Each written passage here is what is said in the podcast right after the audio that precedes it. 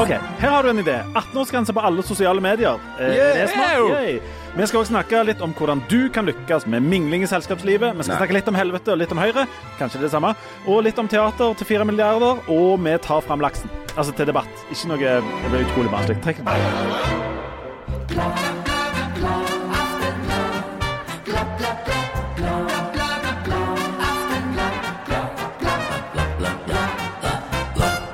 Gladlaksen! Gladlaksen! Janne, rykker det fint nå? Ja, vet du hva, det rykker så vidt i det ene øret nå. Er det, K- er det vi- kåthet? Var det med tanke på den laksen? Den laksen kommer Det ble mye nå. Hysj, nå skal jeg komme med informasjon. Jeg har så vondt i nakken Vi, at vi, dere aner det ikke. vi skal ta litt, det skal vi snakke aller mest om. Jeg må bare informere Jeg kan eh, deg litt. Ja, det hadde vært veldig fint. Get a room. Jeg skal bare informere alle lyerne om at denne episoden her på et eller annet tidspunkt kommer til å fade litt ut, og, og, øh, sånn at han blir delt i to. Sånn at du får halvparten nå, og så får du halvparten da onsdagen i påsken. Eh, så bare vær litt obs på det, at på et tidspunkt så bare forsvinner vi, og så kommer vi magisk tilbake. Litt sånn som som Det er som en slags eh, audielt coitus interruptus. Eh, det hørtes Ja, grovt ut, nå likte jeg bedre det han som Jesus.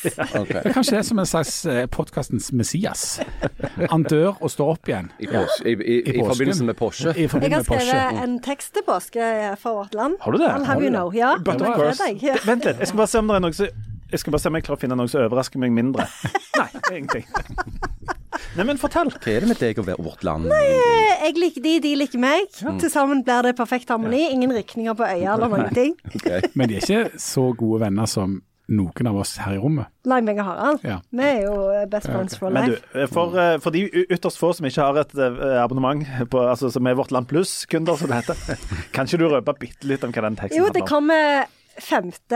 april. Ja, ikke datoen, Ja, si det jo, innholdet. kan jo være greit for folk å vite. Og jeg eh, tar utgangspunkt i at jeg er født på langfredag, og tror kanskje at det har preget meg litt Ja, som visst. menneske.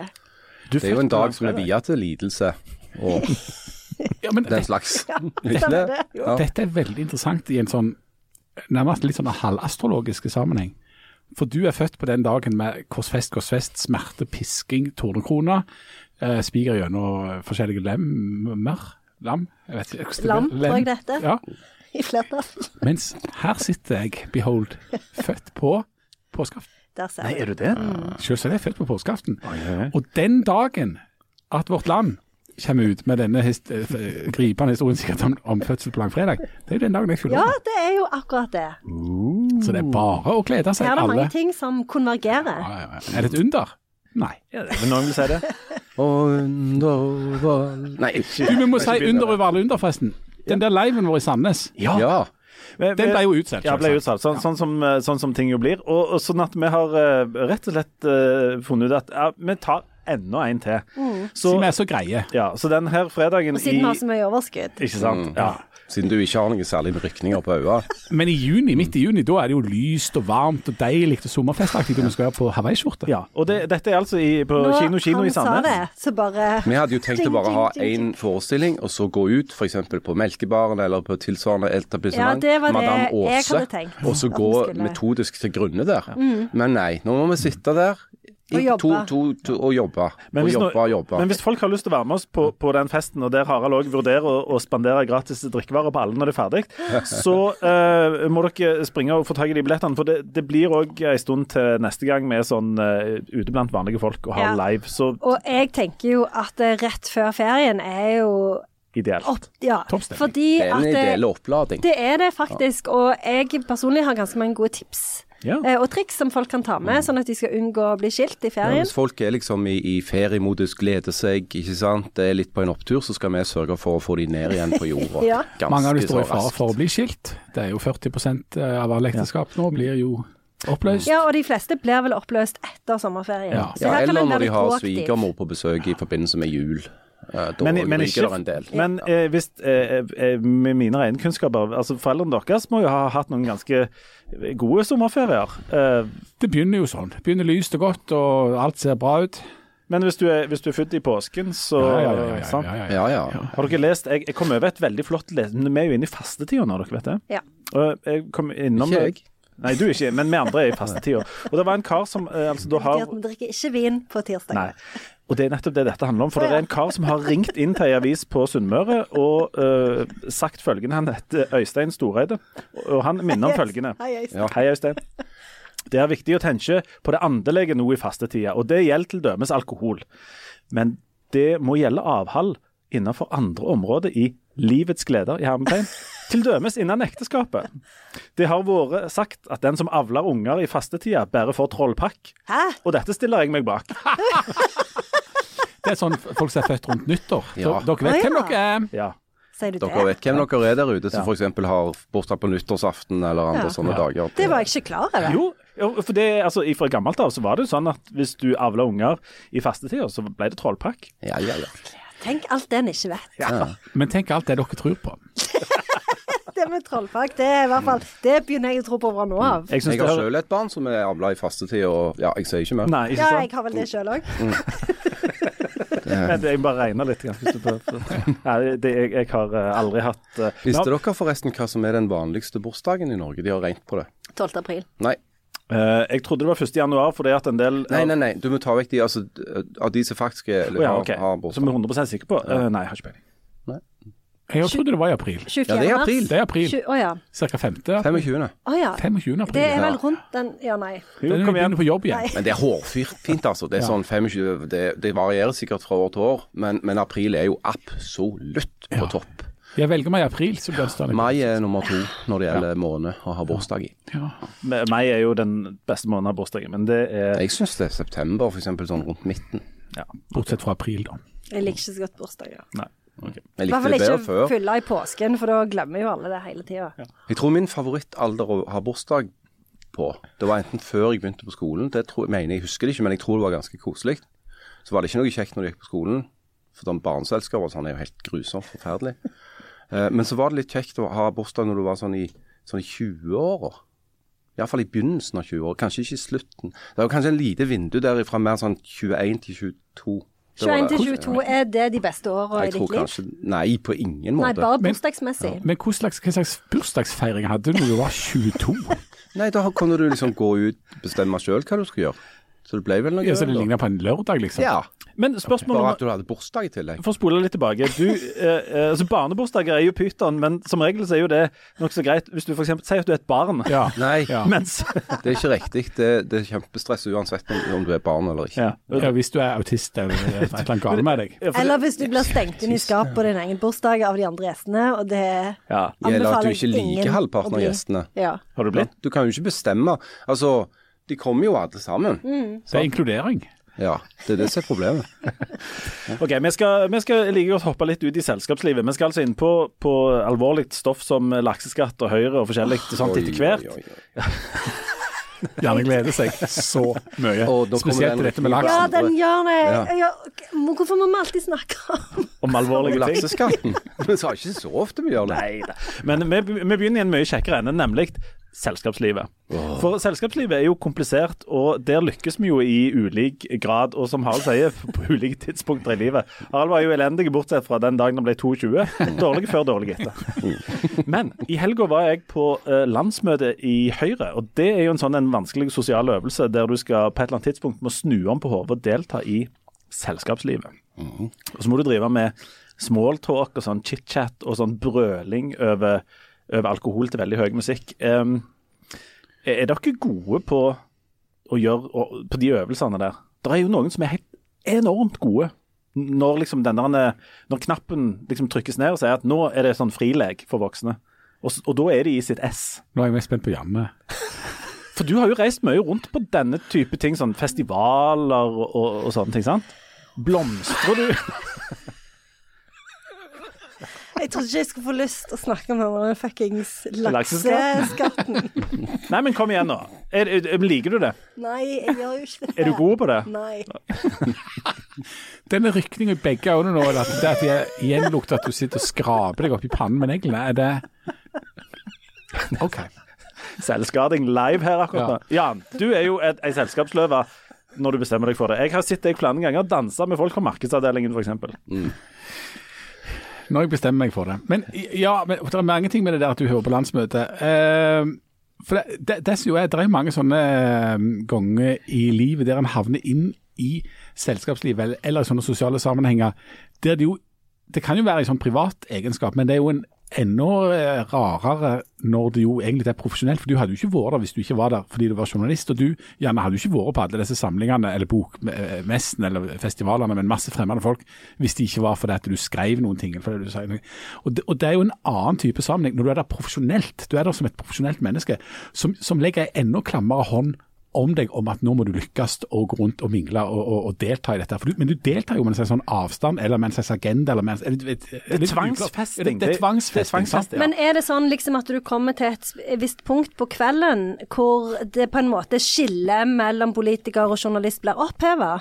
Eller, eller, er det liksom Er dette i løpet av dagen? Altså Det har vært uh, opptil flere landsmøter hvor skillet mellom politikere og journalister har blitt utviska til de grader. At de smelter sammen som det er det fineste som kan skje mellom to ja. Det har, det, dette har skjedd. Dette har jo, dette har jo skjedd. Og uh, Jeg vet ikke hvor, hvor, konkret vi skal gå til verks her, men Um, Nå ser det ut som du skal vise bilder. For, nei, ja, jeg skal vise bilder, for det er veldig godt. Og det er jeg litt uinteressert i. Altså, hvis det er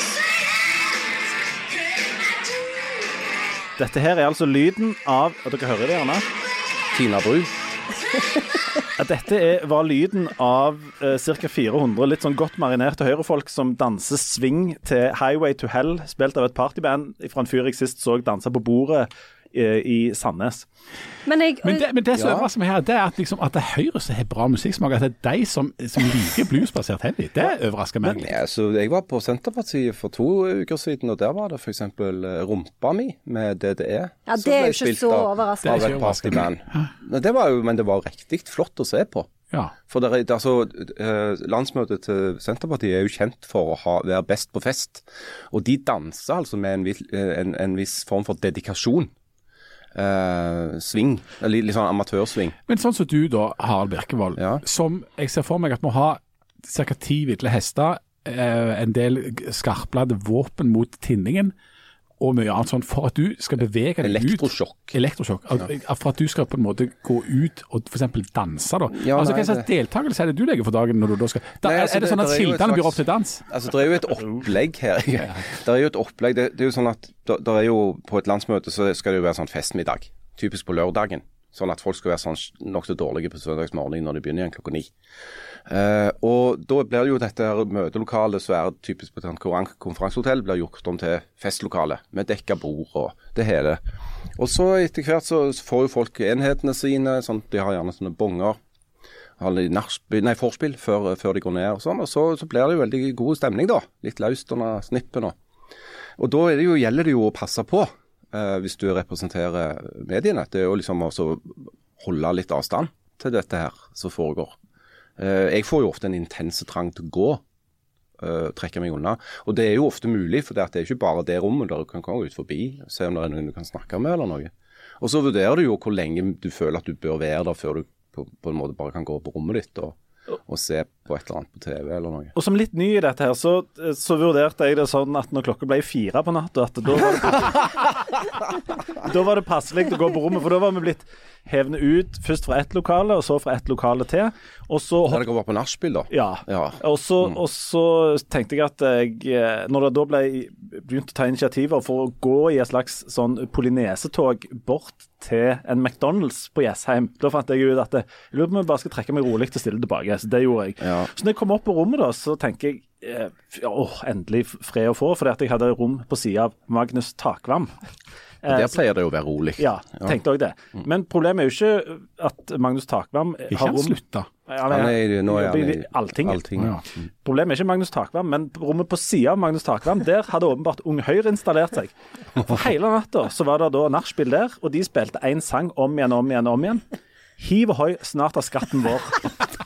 Dette er Unge Høyre, altså. Som jo er Høyre sin sang. Eh, som jeg ser, Høyre sin sang. Ja. Ja. Men, men, Leif Tore, for, for du, altså, nå har du vært ei hel uke, og vi er midt i en sånn sesong der det er masse kommentatorer som skal rapportere hjem fra diverse sånne landsmøter. da, sant?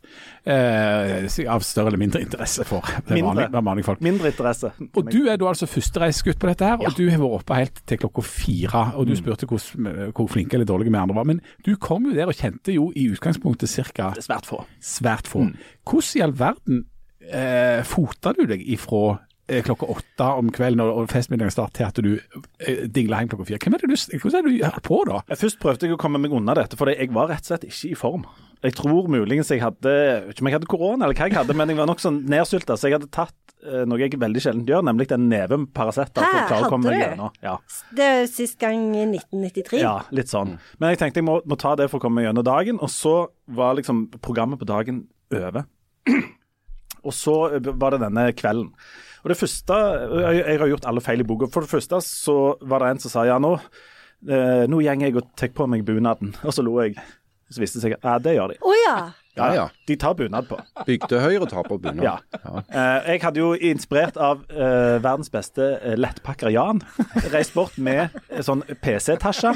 Det hadde jeg stappet oppi noen, noen sokker og underbukser, og sånt, så jeg hadde jo ikke med meg noen ting. Så tenkte jeg at nå trekker jeg meg bare stille og rolig tilbake.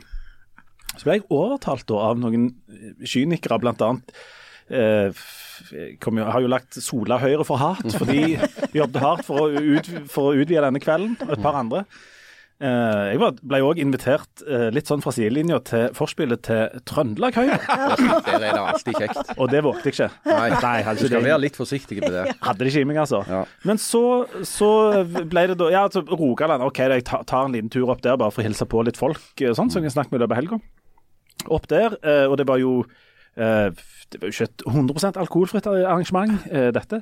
Så det, OK, selv om jeg hadde et godt grunnlag av Paracet, tenkte jeg kunne fylle på med litt sånn uh, børst. Så Ja, det var lurt. Ja. Og så var det ferdig, så sa jeg nå går jeg og legger meg. Og det, da protesterte uh, store, de store deler av delegasjonen eh, og min utmerka kollega Geir Søndeland.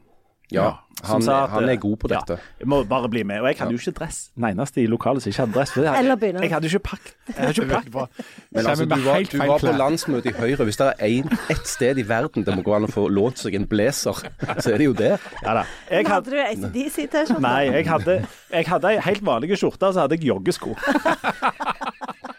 Eh, og så, uten å oute alle på dette Høyre-landsmøtet, så var det noen som sa vi har, eh, vi har en vinflaske her, men jeg kan jo ikke gå inn i salen med ei åpna vinflaske. Men det kan du.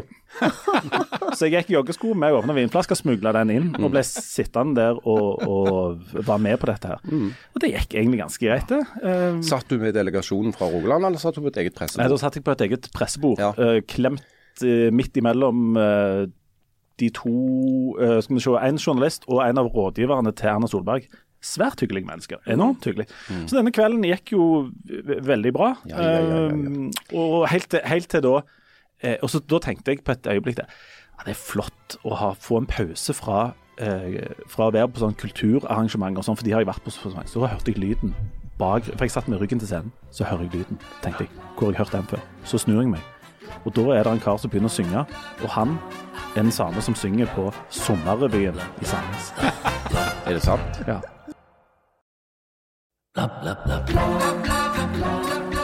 Så du kan springe så fort du kan, men Fikk livet du tar òg en sånn rykning, da? Ja, da, da fikk jeg sånn hjernerykning og vondt i skuldrene og sånn. Men du, ja, for, for dette, OK. Du er førstereisgutt der, da. Jeg, jeg, I ei dunkel fortid så var jeg òg politisk reporter, da, eller skulle jobbe med politikk.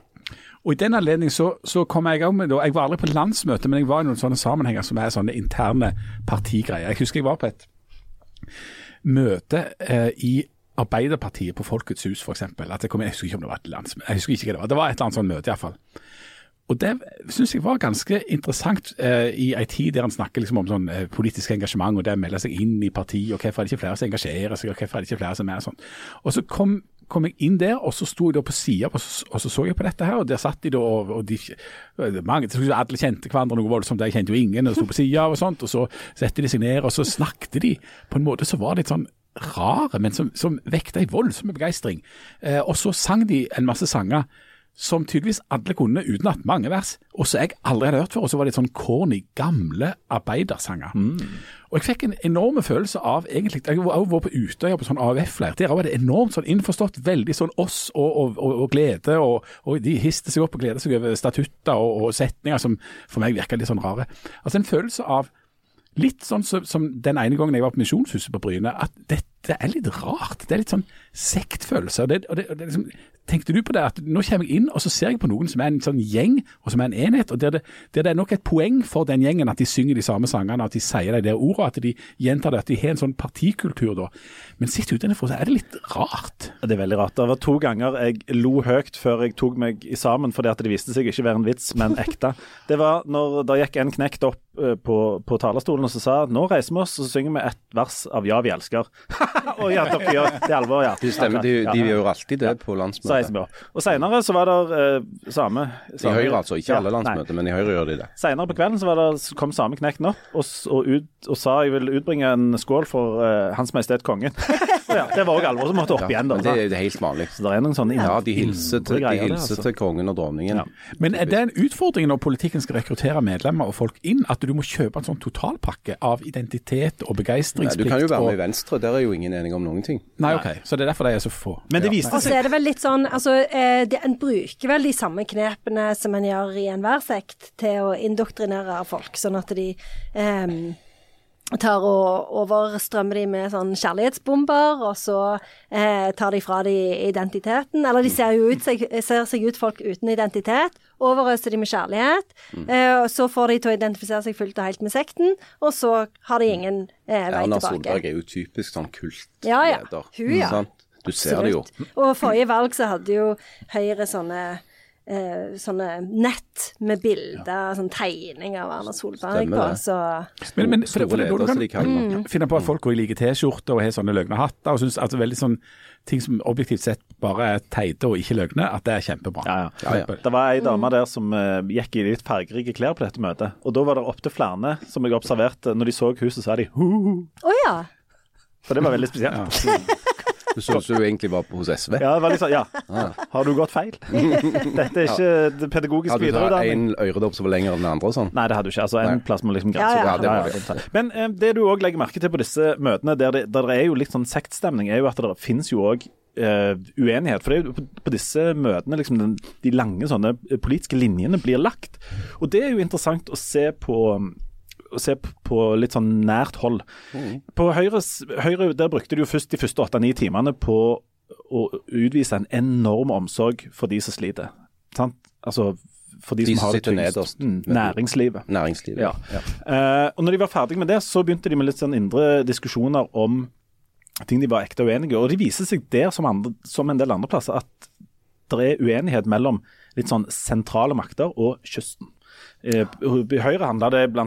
Om, eh, om eh, litt sånn miljø- og skogredning, og sånn, men ikke minst om denne lakseskatten Ja. som de gikk rundt og når, ble, når noen sa sånn eh, oppdretts- eller lakseskatt, så sa de gjerne sånn Litt sånn Mufasa. um, så der er det òg altså, da krangel mellom uh, indre høyre og ytre Ja, og så var det jo òg en episode som ble, ble veldig godt referert i Aftenbladet. Det var jo når Rogaland Høyre hadde et forslag som faktisk ble vedtatt, om at Norge skulle begynne å regne med CO2-en som blir lagra i skog i sitt klimaregnskap. Um, og det eh, tenkte eh, landsmøtet på og fant ut at det var en god idé. Så stemte de ja til det. Og så skjedde det noe. Ja, for da kom det som bare ble kalt delegat nummer én, altså Erna Solberg, opp og sa at uh, etter de hadde stemt Mm. Ja, dette var ikke så lurt, jeg tror vi stemmer en gang til. Så gikk de ned og stemte en gang til, og så ble det endra på. Nå, nå har dere stemt feil. Dere må stemme en gang til. Det er dette som er demokrati i praksis. Ja, det er faktisk Det er jo, det, dette er jo noe som, hvis det hadde skjedd i et annet parti, f.eks. litt lenger ute til venstre, så ville mange ha sagt at ja, typisk de, akkurat, de har ingen respekt for demokratiet. Men i Høyre så er det en tradisjon for at hvis delegat nummer én, altså den til hver sitten, tid sittende leder i partiet, mener at et, vedtak er feil, så kan vedkommende gå på talerstolen og si at nei, det ble feil. Dere må være så snille å stemme en gang til, sånn at det blir rett. Men konflikten, eh, konfliktlinjene var litt sånn eh, og det var da jeg Sentrum-periferi. Ja, nemlig. For jeg, jeg klarte ikke å unngå å tenke på, på uh, både sammenlignende politikk og sentrum-periferi når jeg satt der. For det viser seg at der, som, som i en del andre partier, så er det ganske stor forskjell eh, liksom på innsida, med hvor du bor. Altså å være, eh, representere Frogner Høyre og representere eh, Jørpeland, Alvor og Nord-Norge og sånn, det er ikke det samme. Nei, og det, altså, det er jo derfor det, dette er jo drivstoffet med store deler av Norge går på det. altså.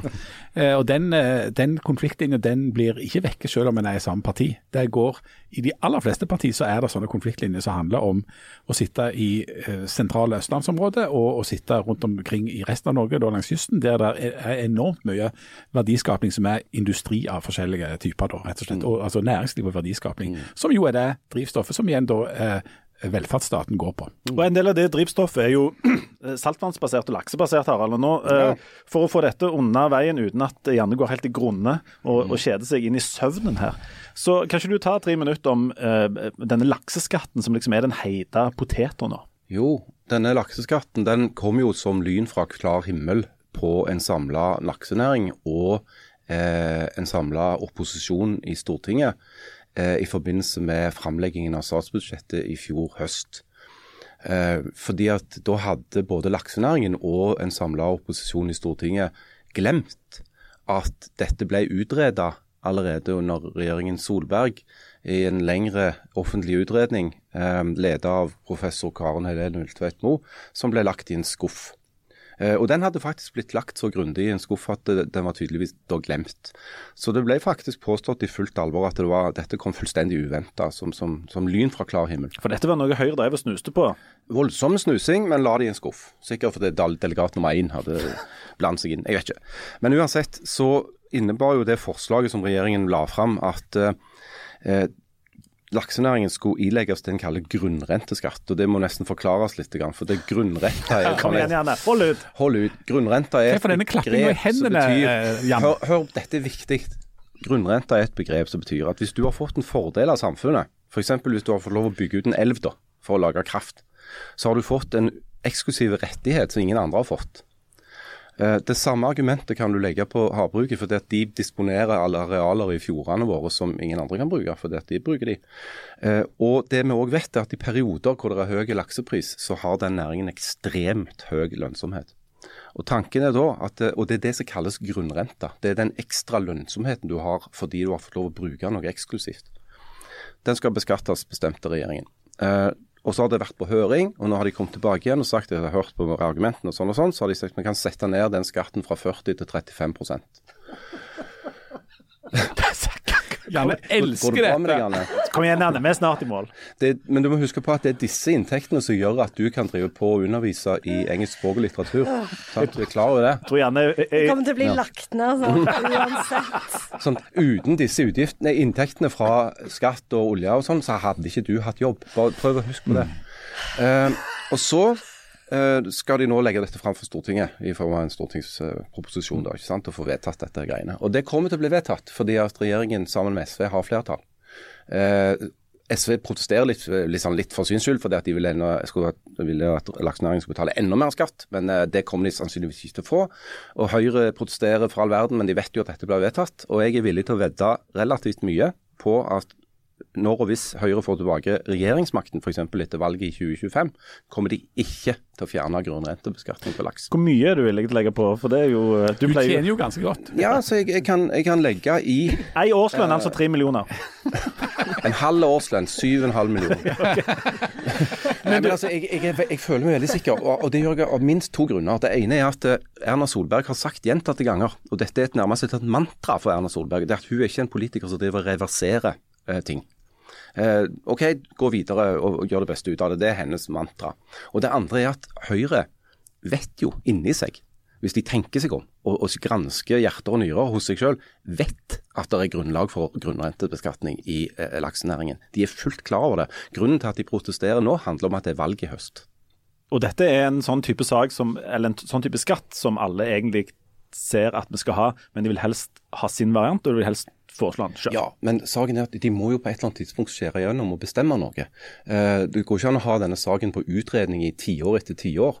Eh, mens det bygger seg opp sånne kolossale formuer i disse selskapene. De må rett og slett dele mer med seg, sånn som oljeselskaper og kraftselskaper må gjøre. Men er det greit at det er, greit at det er liksom denne regjeringa som må innføre det, for de er så enormt upopulære fra før av. Og ikke minst spesielt særlig upopulære blant andre Ja, som driver med næringsliv langs kysten. Ja, så nå kan de ta det- for det koster ingenting. det er mange i Ja. Høyre som er sjeleglade for at, det, at Jonas Gahr Støre og Trygve Slagsvold Vedum gjør drittjobben for dem ved å innføre dette her. Så kan de skylde på de. Gjerne kommentar.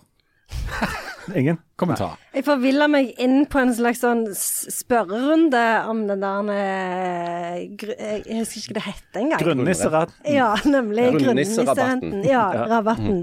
Eh, og jeg skjønte ingen spørsmål, og det virka det ikke som eh, Slag- Slagsvold Vedum heller gjorde, for han var hele tiden sånn refererte til nettsidene til min, min side. Ja. Unnskyld meg, hvordan forvirrer du deg inn i en spørrerunde? Nei, ok, det var jo ikke forvirringen, men jeg liker i løpet av dagen å høre på Alltid nyheter. Hvis Ja. du har hørt på det i fem minutter, så skjønner du jo litt hva det går i. Mm. Også, Ja, så du kan høre på det, men du kan ikke høre på meg. Nei, for det, jeg tok det jo av. Fordi jeg ble, ble jo helt satt ut. Jeg holdt på å krasje bilen igjen. Men det er jo ting. Staten trenger inntekter. Noen har penger. Ja ja, det skjønner jeg. Sånn? Hva gjør du? Nei, det skjønner jeg. Det var bare Det var sånn spørsmål fra Aftenbladet om liksom hvor, hvor mye den hvor mye inntekt av skatten, staten kommer til å få, og det Nei, det var bare så gørre ting. Det var masse tall. Jeg, jeg, ja. Men hvis Vårt Land ringer og så sier kan du skrive noe um, om grunnrenteskatten liksom, i lys av Maria Magdalena til første Da er det ja, vet du. Ja, ja, Da er det ja er med en gang. Da er det med. jeg med. Ja, ok. Vi skal ta en liten pause, og eh, når vi kommer tilbake igjen, så skal vi hive lakseskatten eh, åt skogen. Og så skal vi snakke om sosiale medier. Det er bedre. Ja, mer Marginalt. TikTok, TikTok, TikTok, TikTok. Hjertelig velkommen tilbake igjen. Um, en annen ting som de diskuterte på Høyre En stund var det jo fare for at de, de kom til å vedta å legge ned internett. Uh, Ja, fordi, fordi at det for er, det Hvorfor gjorde de ikke det? det er en gruppering i uh, Og nå er vi tilbake til det sentrale Østlandet, som er veldig bekymra for internett. Uh, og for det kan være skadelig for ungene, uh, og kan lokke dem vekk fra uh, vegetarisk mat og sykling, for eksempel, som jo de er mest opptatt av. Vegetarisk mat og sykling? Ja, I Høyre? Hvor de skal sykle hen da? Eller ja, visse deler av Høyre har jeg inntrykk av Vegetar-Høyre. Ja, de Ja, som- det, det finnes sikkert det. Ja, ja, ja, det finnes jeg. jeg tror jeg av og til så, der i gangen så var det noen som sa sånn Nikolai Astrup, altså. Men Ja, for han, han, han har sykler, vet jeg. han er den eneste i Høyre som har egen sykkel, eh, og jeg tror òg av og til at han spiser vegetarmat. Uansett. De snakket om sosiale medier. Men han har medier. en som sykler han for seg, da. Ja, ja. Ja, ja. Det var stygt sagt, Harald. Nei, det, nei, selvfølgelig, han sykler jo ikke sjøl. Nei. Han har jo en bakpå og så holder beina voldsomt ut, for Han har sånn ei vogn, sånn som de har i Danmark. ja, dere, er så, dere kan ingenting. Han har jo en fyr som sykler sykkelen hans hjemmefra og til jobben hans mens han blir kjørt. Mm, I Teslaen. Ja, jeg tror det er sånn det fungerer. Uansett, de, eh, disse folk var bekymra for, for eh, de negative følgene av sosiale medier, og ville bl.a. forby dette i skolen.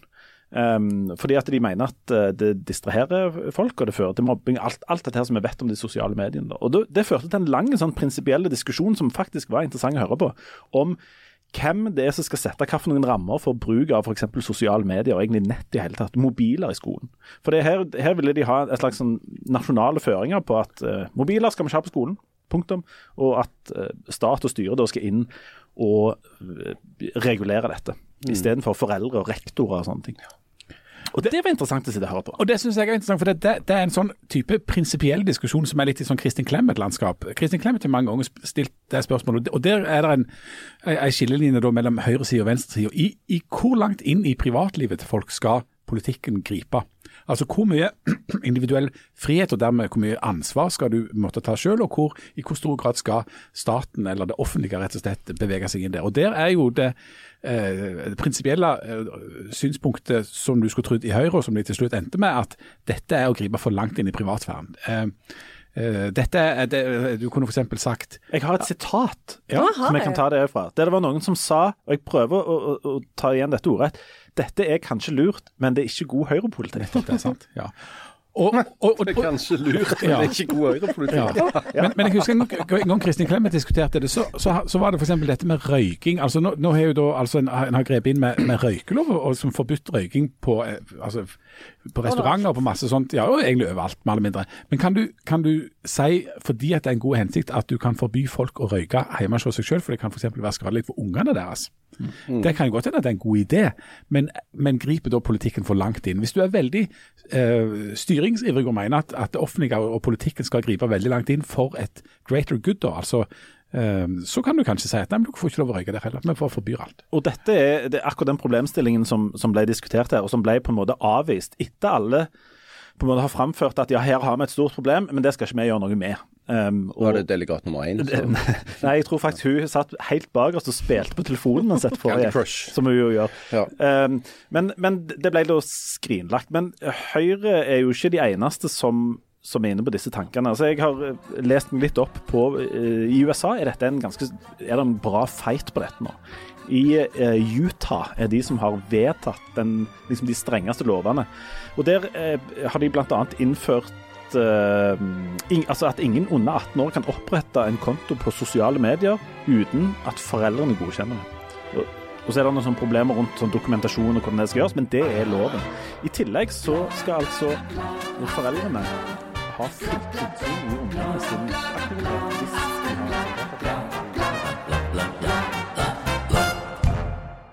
Du får halvparten nå, og så får du halvparten onsdagen i påsken.